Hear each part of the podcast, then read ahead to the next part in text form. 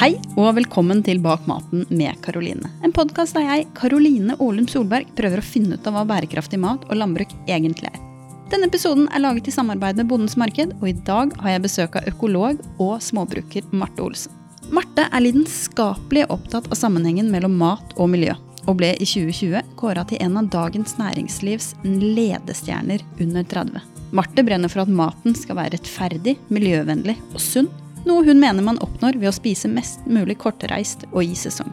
Til daglig jobber hun med kartlegging av biologisk mangfold, og driver Markedshagen på Dokka, der hun dyrker nesten 50 ulike slag grønnsaker til eget bruk og salg.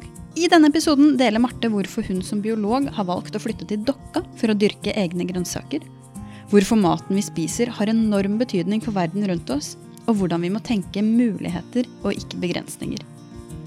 Marte snakker også om betydningen av å tenke økologi i landbruket, og hvorfor vi må tenke helhetlig rundt miljøproblemet, ikke bare på klima. I tillegg har Marte delt masse kunnskap om småskala produksjon av mat, som jeg har valgt å lage en egen liten bonusepisode. Denne kommer senere denne uka for dere som er spesielt interessert i å dyrke deres egne grønnsaker.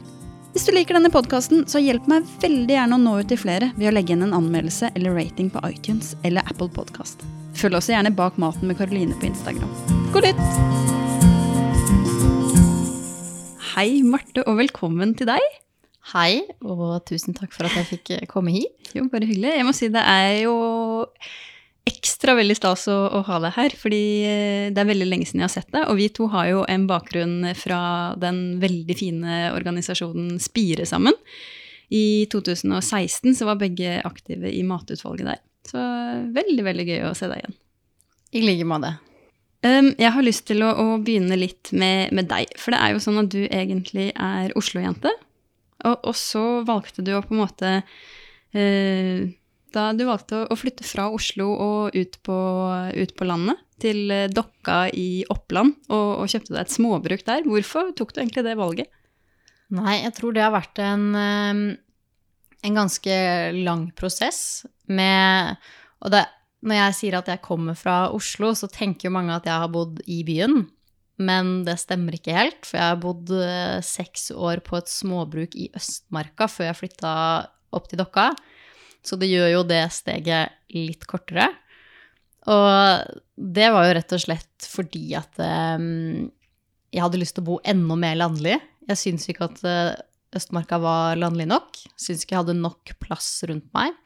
Jeg hadde lyst til å bruke litt mer eh, tid på å dyrke grønnsaker, blant annet. Eh, og eh, da var den tomta på Klemetsrud i Østmarka litt for vanskelig å bruke. Veldig mye stein, og ellers var det sump.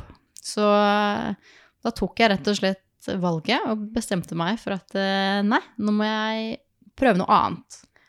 Og det er jo ikke så mange som har hørt om Dokka. Men for meg så var det der jeg hadde litt nettverk. Og det er jo alltid lettere å flytte et sted hvis man kjenner noen.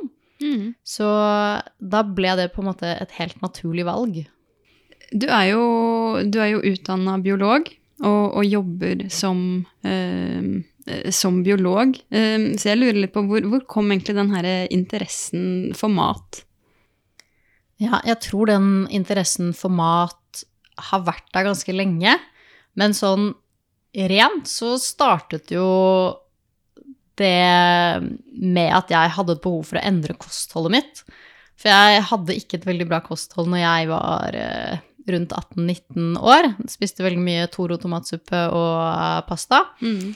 Og det var basically det kostholdet mitt besto av. Og um, kjente etter hvert at det kanskje ikke funket helt. Hvordan, eh, hvordan, kjente du det? Jeg kjente det på kroppen, på um, mage-tarmsystemet, på humøret, altså ja, hadde Nå har jo jeg aldri vært spesielt tjukk, men hadde begynt å gå litt opp i vekt. Og det ble et litt sånt varseltegn for meg, da, at dette vil jeg ikke. Um, og da satte jeg virkelig tiltak inn for å prøve å finne ut hva det egentlig jeg spiser, og hva burde jeg egentlig spise. Og samtidig som jeg begynte å oppdage dette, så um, studerte jeg jo økologi på, i Ås. Og um, der fikk jeg jo også uh, mye av disse hva skal man si, miljømessige konsekvensene av hva vi mennesker driver med. Så jeg tror det ble en sånn felles uh, to, hva skal man si, uh, aspekter da, som passet godt sammen. Mm. Mm. Du, du, snakker jo litt om og, sammenhengen mellom miljø og mat her, og, og, det på en måte ble en litt sånn aha-opplevelse for deg da du gikk eh, på Ås, da du studerte der. Eh, kan du ikke si litt mer om, om, om denne sammenhengen? Hva, hvis man på en måte har lyst til å, å redde verden, hvorfor er det viktig å fokusere på mat? Nei, det er jo den ene tingen jeg tenker vi mennesker alltid må gjøre. Vi kan, jo, kan jo, ikke stoppe å spise. Mm. Um, og i tillegg så er jo den matproduksjonen vi har i dag, veldig stort miljøavtrykk. Og jeg tenker jo i veldig, veldig stor grad så handler jo på en måte det å spise eh, riktig, eller spise på en måte som, som, er bærekraftig, handler jo også om å spise på en måte som naturen tåler.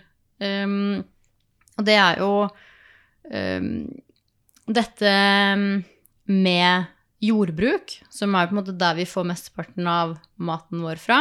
De færreste mennesker i verden i dag er jo uh, jegere og samlere. Det er bare en ytterst, ytterst liten del.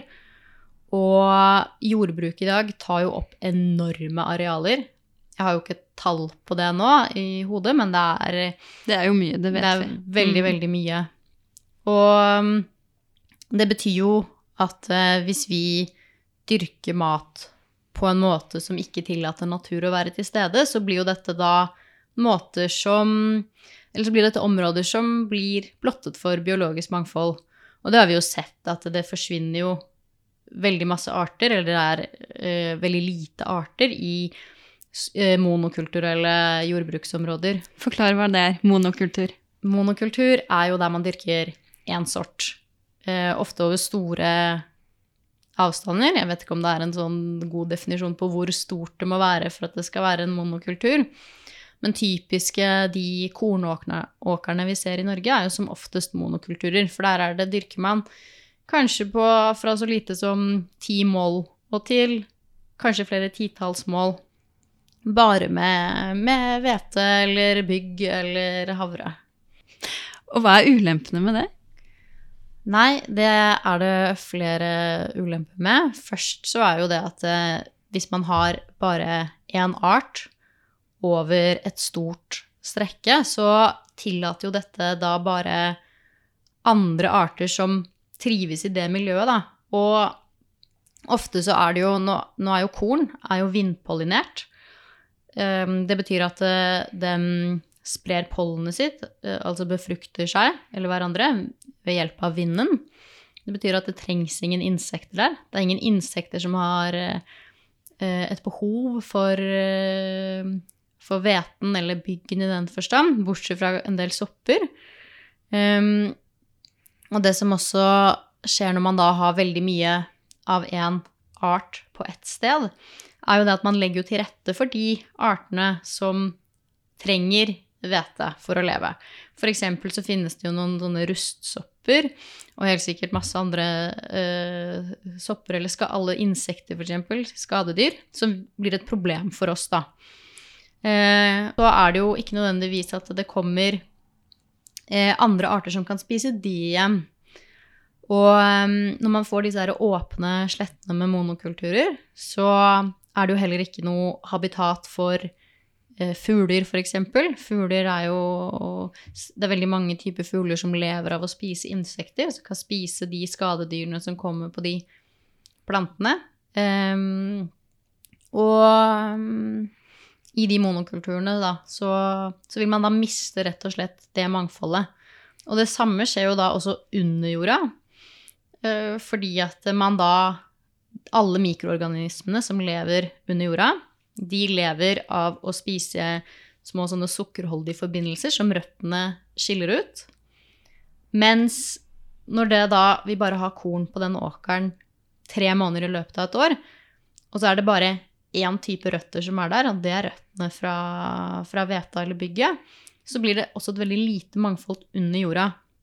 Og dette er jo eh, Mikroorganismer under jorda er jo med på å gjøre plantenæringsstoffer, eller næringsstoffer tilgjengelig for plantene.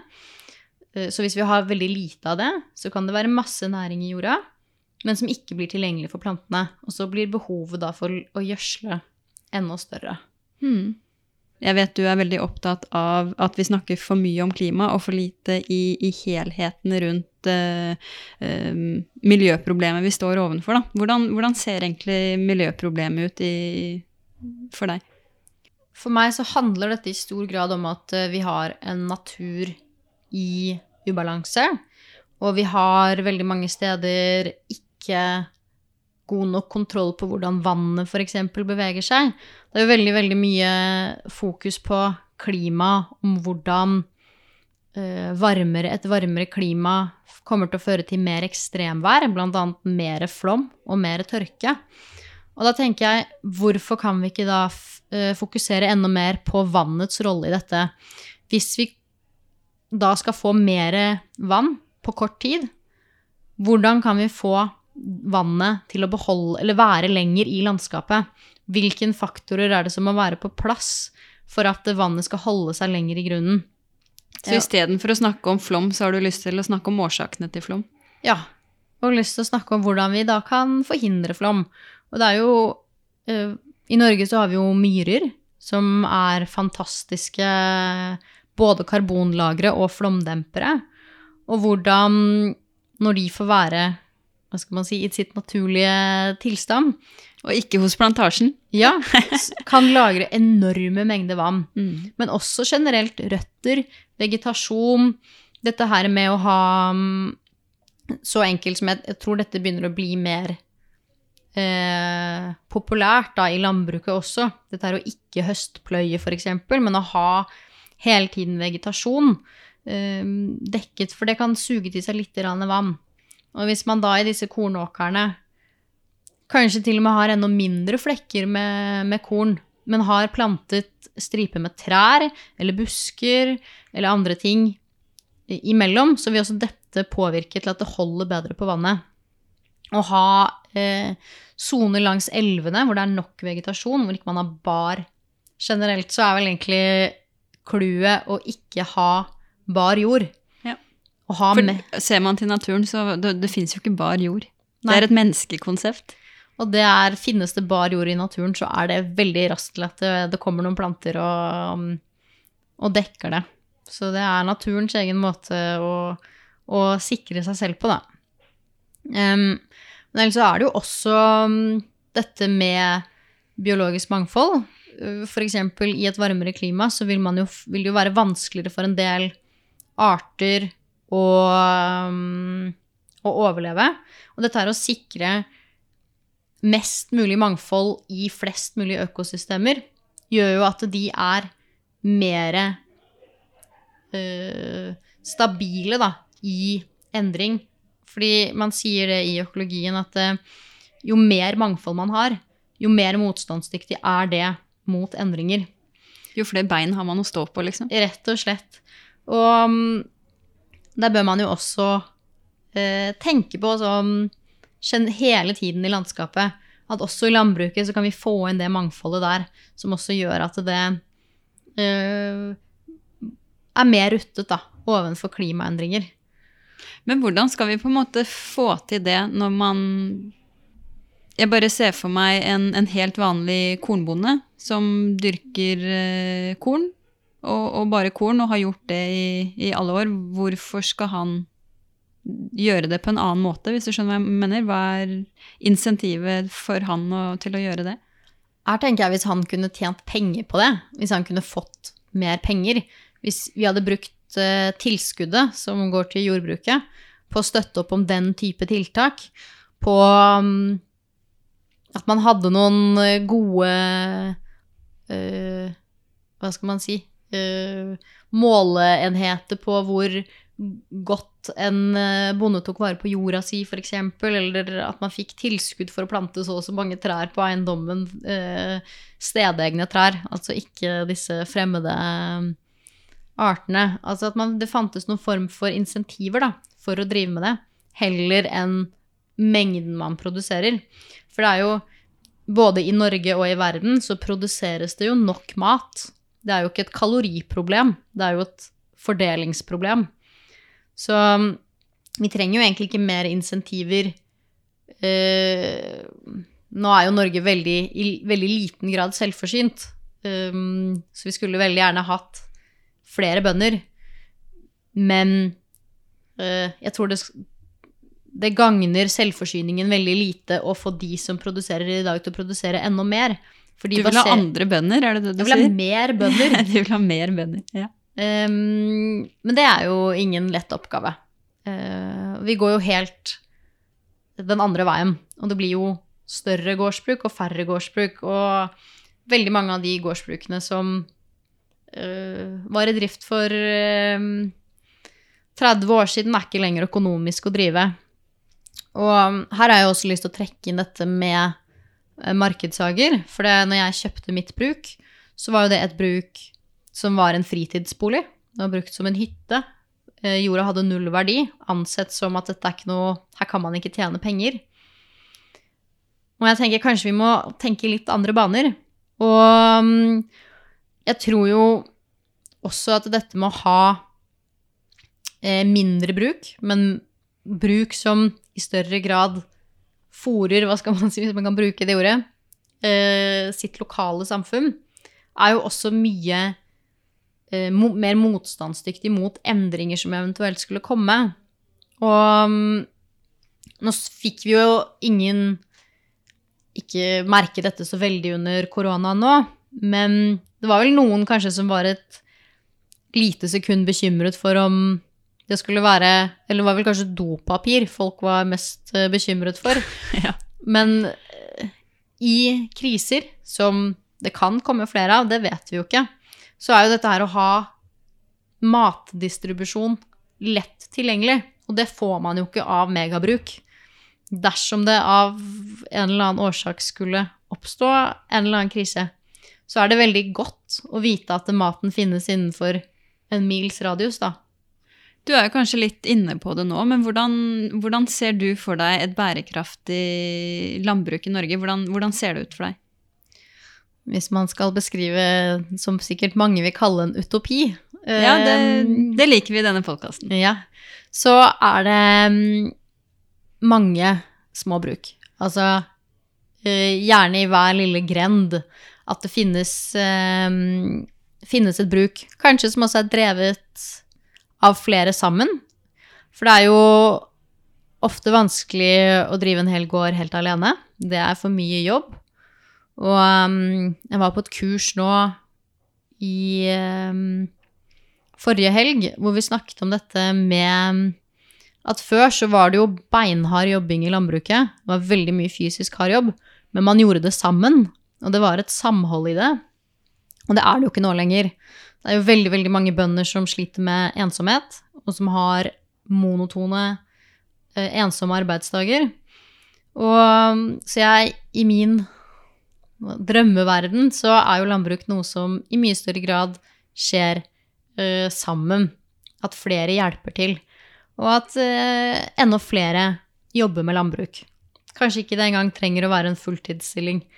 Kanskje det er noe man man gjør på si av å gjøre andre nyttige samfunnsoppgaver også.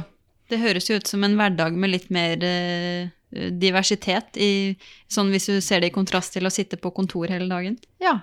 Tenk om det var sånn det var, at man halvparten av uka var og jobbet på en gård, og så kunne man gjøre kontorarbeid resten av tiden. Mm. Det er jo Jeg tror rett og slett det derre Ja, den mangfoldige hverdagen da, er noe jeg tror også er helt nødvendig for å få det til å, å gå rundt. Som menneske. Mm. Mm, for å ha det bra. Det tror jeg.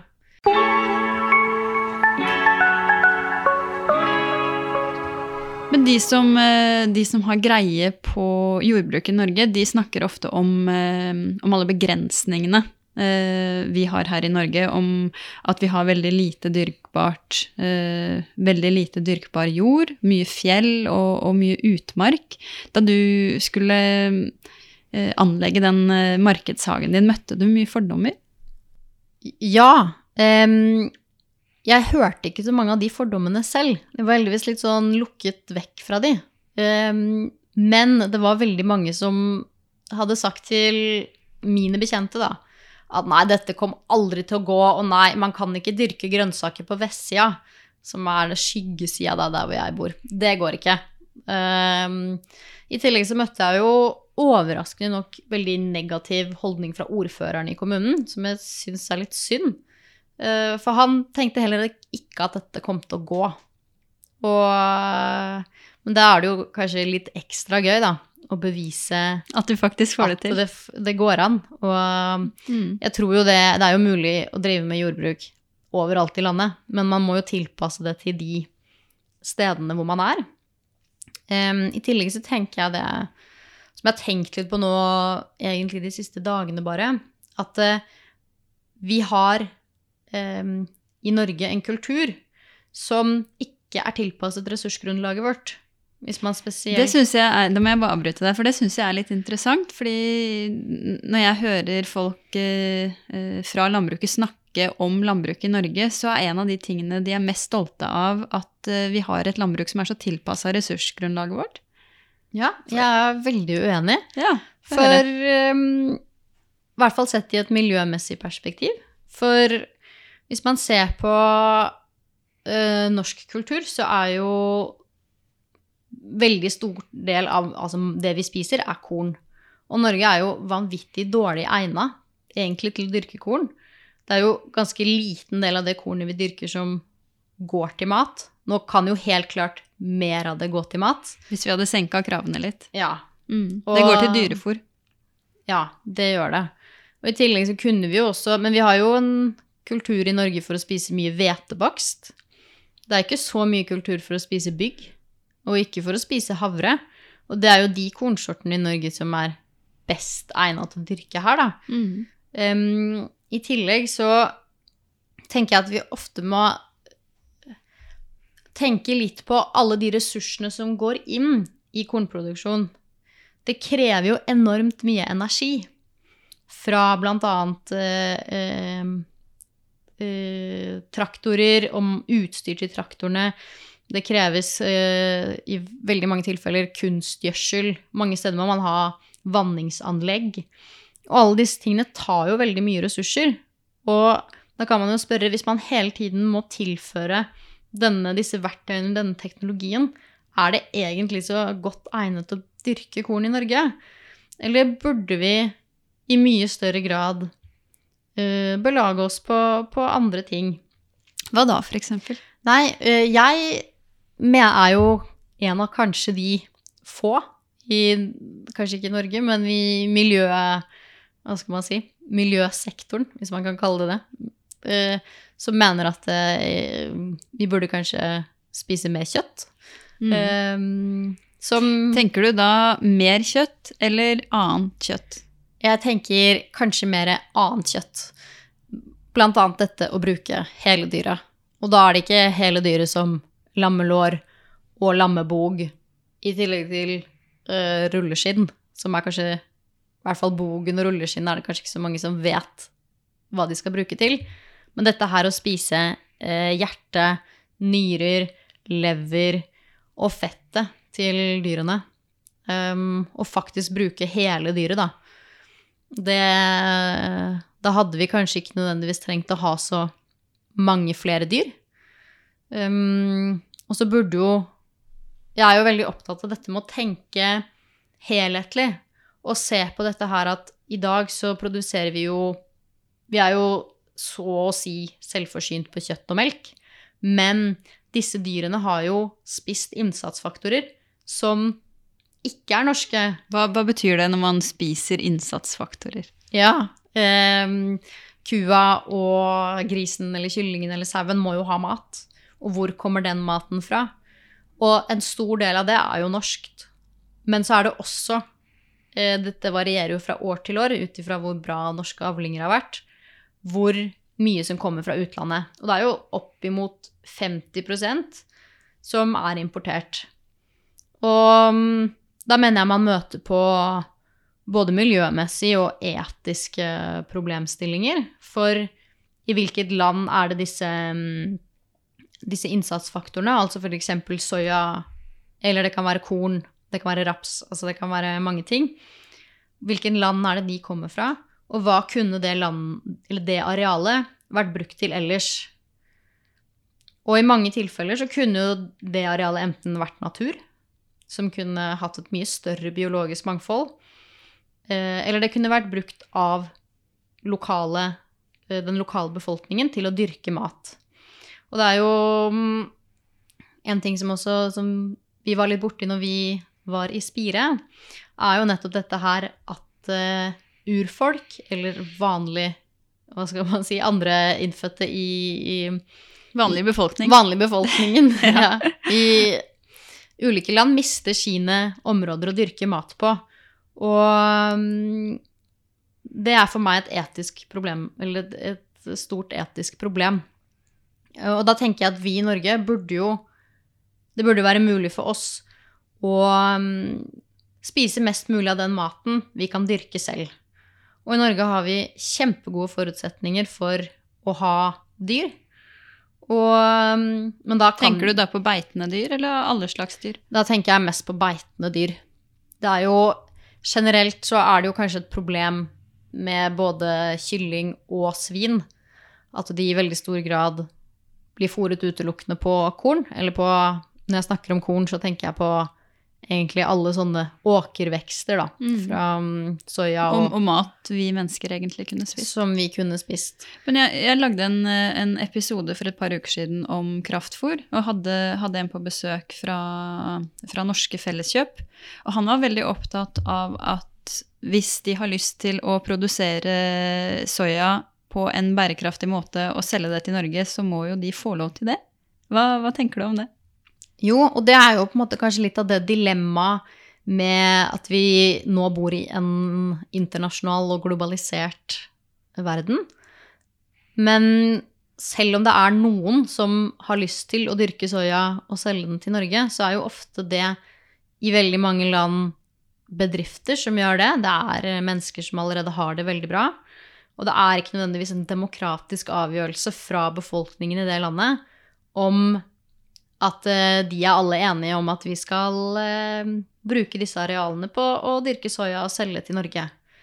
Så jeg uh, tenker dette å spise norsk mat produsert på norske ressurser er jo i tillegg til å være veldig miljøvennlig også veldig etisk i forhold til andre land. Og vi vet jo det at i framtiden så kommer det til å bli vanskeligere å dyrke mat veldig mange steder i verden. Det er, selv om vi skulle klare å stoppe CO2-utslippene våre nå, så vil vi fortsatt se en oppvarming av planeten i sikkert 30 år. Og med det så kommer det også en temperaturstigning som gjør det vanskeligere å dyrke mat. Og um, da mener jeg at Norge har et ansvar for å um, produsere den maten vi kan her, på de ressursene vi har her. Og det betyr jo også at uh, vi her i Norge må spise den maten som kan produseres her. Da kan vi ikke ha et kosthold hvor vi til hverdag spiser avokado og mango og um, ris og soyasaus, som jeg tror kanskje nesten er vanligere ingredienser å finne i et skap i det norske, på det norske kjøkken, enn f.eks. Uh, byggryn, uh, surmjølk og uh, lammenyrer. Det tror jeg du har rett i. Men jeg følger deg i, i sosiale medier du, du, har jo blant annet hatt uh, I fjor så hadde du et uh, prosjekt hvor du bare skulle spise mat fra det fylket du bodde i, eller bor i, nemlig Oppland, i en måned. Og um, nå har du akkurat begynt med å skulle være selvforsynt med grønnsaker i et år. Um, og når jeg følger deg, så, så, tenker jeg jo innimellom at du er så streng, da. Uh, tenker du at, at alle burde spise 100 norsk mat? Nei, og jeg spiser jo ikke 100 norsk mat alltid selv. Jeg også har jo drikker kaffe nå, f.eks. Men jeg mener jo at det, eh, kanskje vi alle skulle prøve å bevege oss litt mer mot å spise mer norsk mat. Prøve å se hva er det som egentlig vokser utenfor døra mi? Hva er det jeg kan spise? Litt sånn sanking også, tenker du litt på da? Litt sanking. Eh, hva er det som blir kjent med eh, bønder som produserer mat på, på norske ressurser? Og bli litt kjent med de ingrediensene eller de råvarene, og hvordan man kan bruke de. For um, det er jo litt som vi snakket om med sånn etikk. At jeg tror at dette For at vi skal klare å brødfø en verden i om 50 år, så er det nødvendig at vi her i Norge spiser mer av den maten vi kan produsere selv. Og det er jo på en måte for mange veldig rart. Og det har jo for meg også vært en veldig prosess fra å gå fra å spise Toro tomatsuppe til å nå gå ut i hagen, finne noe jeg har lyst på, og så lage mat med det. Har du alltid lyst på det du har i hagen? Eh, nei, det er, er ikke alltid. Um, det hender jo at jeg har innmari lyst på um, uh, Nå er det kanskje ikke så ofte grønnsaker jeg savner så mye av, men det, det, har jo hendt at jeg har hatt veldig lyst til å spise godteri og sjokolade. Altså kjenner på den, jeg òg. Ja. Og det tillater jeg meg jo ganske ofte, egentlig. Eh, men jeg tror det Hvis man kan tenke seg at man kanskje skulle prøve å begynne med at halvparten av maten man spiser, skal være um, norskprodusert, da, så er man jo godt på vei. Mm. Og det er jo litt det jeg har lyst til å For det er jo det jeg viser i sosiale medier, er jo på en måte um, Hva skal man si Det som uh, er bra. Det du har lyst til å vise fram. Ja, Ja. Så jeg viser jo ikke fram alle de dagene hvor jeg har vært um, ute og spist pizza, eksempel. Så du spiser pizza, Marte? Og det burde man jo kanskje, kanskje gjort, ja, for å vise at eh, jeg spiser ikke bare blomkål og, eh, og brokkoli. Men eh, det er jo det som er interessant å vise fram. Mm. Og det, å Og det vise- folk følger deg for. Ja. Og det er jo øh, vise at det går an å lage mat på den måten òg, da. At man ikke må være bundet til visse oppskrifter eller visse typer øh, ingredienser. Men at det er mulighet for, å, for stor kreativ utfoldelse. Med norske råvarer. Ja, Mm. absolutt. Mm. Du, Marte, ønsker jo å være en person som eh, går foran for et bedre samfunn. Eh, Hvilke ting eller hvilke oppgaver tenker du du har tatt på deg for å få til det? Nei, jeg mm, tror jeg har påtatt meg en sånn pionerrolle. Jeg tror jeg er et litt sånt eh, Som denne meldestokken som er en pionerplante, så er jeg litt et pionermenneske som liker å undersøke ukjent territorium. Um, så jeg har jo lyst til å vise folk at det går an å bare prøve ting. Jeg liker å hoppe, hoppe ut i nye Ta nye utfordringer på strak arm. Um, og så er det jo litt dette Den på en måte rollen jeg selv tenker at eh, jeg har tatt, er jo dette at jeg ønsker å kommunisere hvor viktig det er å tenke natur og økologi i alt vi gjør, da, også i matproduksjon.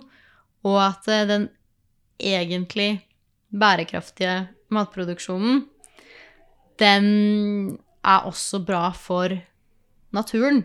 Og mm, jeg tror jo at dette skillet da, mellom å verne natur og Eller naturvernere og bønder, det skaper en del problemer. At det er et så kunstig skille der. Og kanskje til og med litt motsetninger? Ganske mye motsetninger og et steile fronter, og man ser jo bare det med, mm, med hvordan, hvordan en del eh, bønder i år ikke har lyst til å gi penger til plastinnsamling uh, i årets TV-aksjon, fordi at de er så uenige med, med WWF. Og det syns jeg er veldig synd, at man ikke kan uh, her prøve å se at det er saken her som teller. Og mm, jeg kunne jo veldig gjerne tenke meg å være et slags bindeledd da, mellom uh, naturvernere og landbruket. Fordi at det er de samme prosessene som virker begge steder. Og det er egentlig bare to sider av samme sak. Litt samme rolle som jeg føler jeg har tatt på meg med denne podkasten, egentlig. Være litt sånn eh, bro mellom det tradisjonelle landbruket og de som på en måte står litt på utsiden. Ja, absolutt. Mm, jeg, tror det er, eh, jeg tror det er viktig. Jeg tror det trengs i, i fremtiden. Det tror jeg også. Jeg tror dette er å bygge broer er, eh, er det som skal til hvis vi skal klare å ta hånd om alle de utfordringene vi står ovenfor. En annen ting jeg har lyst til å snakke litt om, er pris. Eh, For jeg vet at du er opptatt av at maten vår ikke skal være for billig. Hvorfor det? Det er jo fordi at det, det koster å produsere mat, uansett. Og selv om vi kan kjøpe mat billig i butikken, så er det et eller annet, altså noe eller noen et eller annet sted i den næringskjeden som har betalt, betalt prisen. Og um, blant annet med industrielt landbruk i dag, så er det jo, brukes det jo mye olje. Det er mye olje som går inn i drivstoff, kunstgjødsel og helt sikkert sprøytemiddelproduksjon. Og um, det har jo en det tar, Miljøet tar jo skade av det. Og vi har jo avgifter på andre ting som er eh, miljøskadelig. Eh, og i tillegg så gjør jo denne mm, billige energien, da, hvis vi kan kalle det det Olje er jo billig, så det blir jo eh, billig å bruke det. Det gjør jo at vi sparer veldig mye tid. Når jeg dyrker grønnsaker uten olje, så må jeg bruke den energien som jeg bruker, må komme fra meg.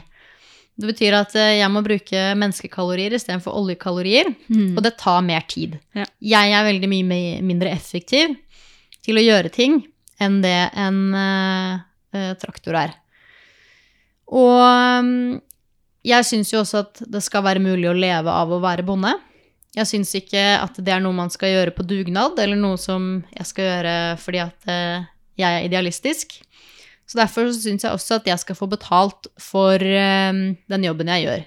Jeg trenger ikke kjempebra timespris, men jeg vil gjerne at hvis jeg fyller en arbeidsuke, si et eller annet sted mellom 37,5 og 40 timer, så bør det gjøre meg i stand til å betale mine regninger i den tiden jeg jobber. Og mm, for mange bønder så går jo dette knapt rundt. Og veldig mange småskalaprodusenter så går det knapt rundt. Og det syns jeg er synd, for det er det ikke bærekraftig i lengden. Og mm, ting må jo også være økonomisk bærekraftig hvis det skal eh, Hvis man skal holde ut i lengden, da, så må man jo få noe tilbake for det. Mm. Og så mener jeg også det er veldig viktig ovenfor kundene mine, eller jeg hater egentlig å bruke ordet forbruker, for det er på en måte Det gir meg en assosiasjon til at man skal bare bruke opp noe. Og det er jo kanskje hele problemet med det samfunnet vi er i. Men i hvert fall disse At kundene mine skal ha et forhold til at mat koster penger. Det er ikke Vi kan ikke produsere mat på billig olje i et evighetsperspektiv. Derfor så må vi finne andre måter å gjøre det på, og det vil koste mer. Men forbrukeren er jo, uansett hvordan man snur og vender på det, veldig opptatt av pris i, i Norge, da. Um, hvordan opplever du det i, i møte med, med, med kundene dine? For du, er det vanskelig å få solgt produktene dine? Nei, og det er jo ganske spennende. For jeg har jo eh, vært åpen når jeg har solgt på Reko-ringer om at eh, jeg må dessverre ta disse prisene. Eh, fordi at eh, hvis ikke så har ikke jeg muligheten til å leve av dette. Du sier dessverre, det, det vil si at du tar ganske høye priser. Ja, jeg syns jo ikke de er kjempehøye, men det er jo i forhold til noen andre som jeg har sett, så er det høyere priser. Men jeg har ikke merket at det er folk som har klaget nå, eller folk som ikke kjøper fordi at de syns det er dyrt. Selvfølgelig så kan det jo hende at det er noen som velger å ikke, ikke kjøpe. Men um, jeg har jo eksempler fra når det var en annen som hadde lagt ut samme varer for halvparten av prisen. Som, det, er ganske, det er ganske stor forskjell. Men det var ikke sånn at alle kundene gikk dit. Og det, jeg tror det er veldig viktig å huske på det for meg, da. At mine Jeg er ikke opptatt av Eller jeg henvender meg ikke til den kunden som bare er opptatt av pris. Nei. Jeg har lyst til å selge et annet produkt og en annen historie. Og da er jeg opptatt av de kundene som også er interessert i å kjøpe det produktet, som er opptatt av de samme tingene. Og det er jo det jeg ser blant veldig mange av andelshaverne mine, f.eks., som er um, uh, kunder som har kjøpt grønnsaker for et helt år av gangen. At uh, de er opptatt av mye av det rundt. De er opptatt av at jeg skal være der og produsere grønnsaker.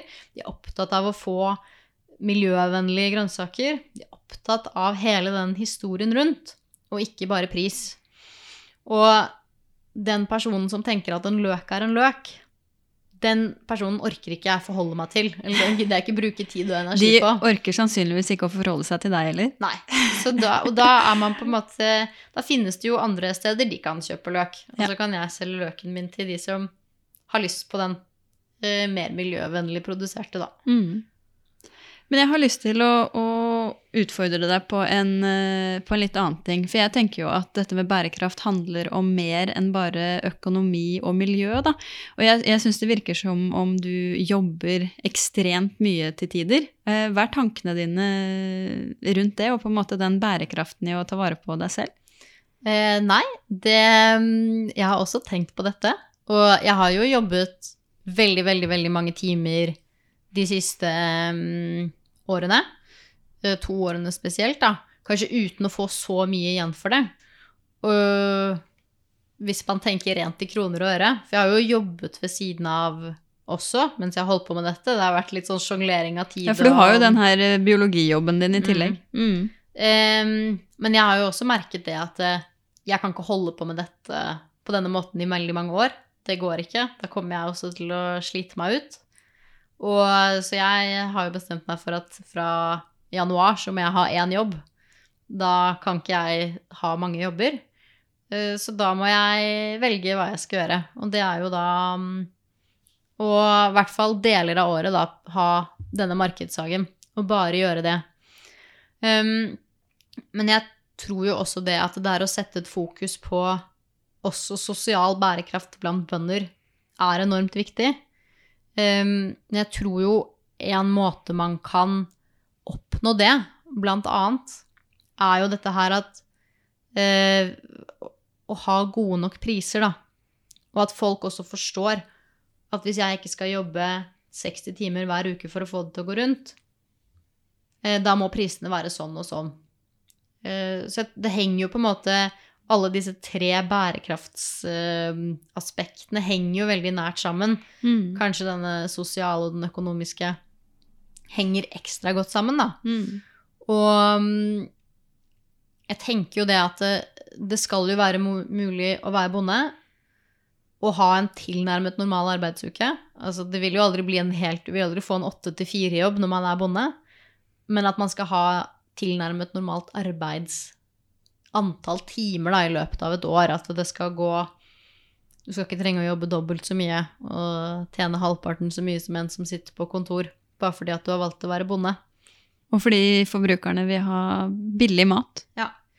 Så det er jo det, dette rett og slett sosiale aspektet det er jo så innmari viktig ehm, i hva skal man si, bondehelse og, og dette med økonomi, da.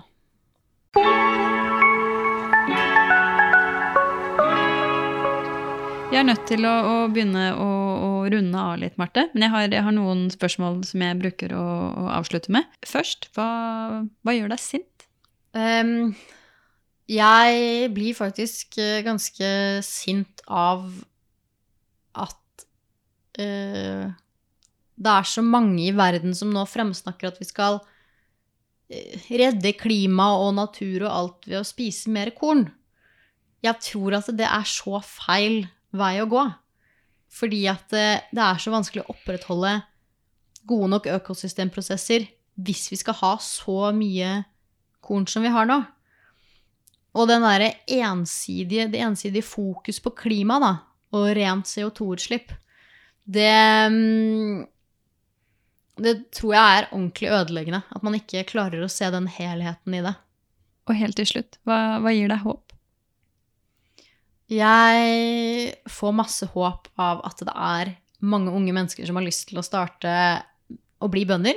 Eh, Det har jo vært en kjempemarkedshagerevolusjon omtrent. Så mange unge som har lyst til å begynne å dyrke mat. Veldig mange er akademikere som finner ut at de heller har lyst til å, å jobbe praktisk og bli bønder. Og det syns jeg er helt fantastisk. Og det er jo, jeg tror vi kommer til å trenge enda flere sånne mennesker i framtiden. Så det Ja, der er det håp. Tusen takk for at du kom, Marte. Tusen takk for at jeg fikk komme. Denne episoden er laget av meg, Karoline Aalum Solberg, i samarbeid med Bondens Marked. Musikken er produsert av Creo og Liro Sever. Om du vil dele ris eller ros, så finner du meg på Instagram under Bakmaten med Karoline, og på karoline at bakmaten.no. Tusen takk for at du hørte på denne episoden, og husk at det utgjør en stor forskjell om du legger igjen en anmeldelse på iTunes eller Apple Podcast. Vi høres igjen neste uke. Ha det!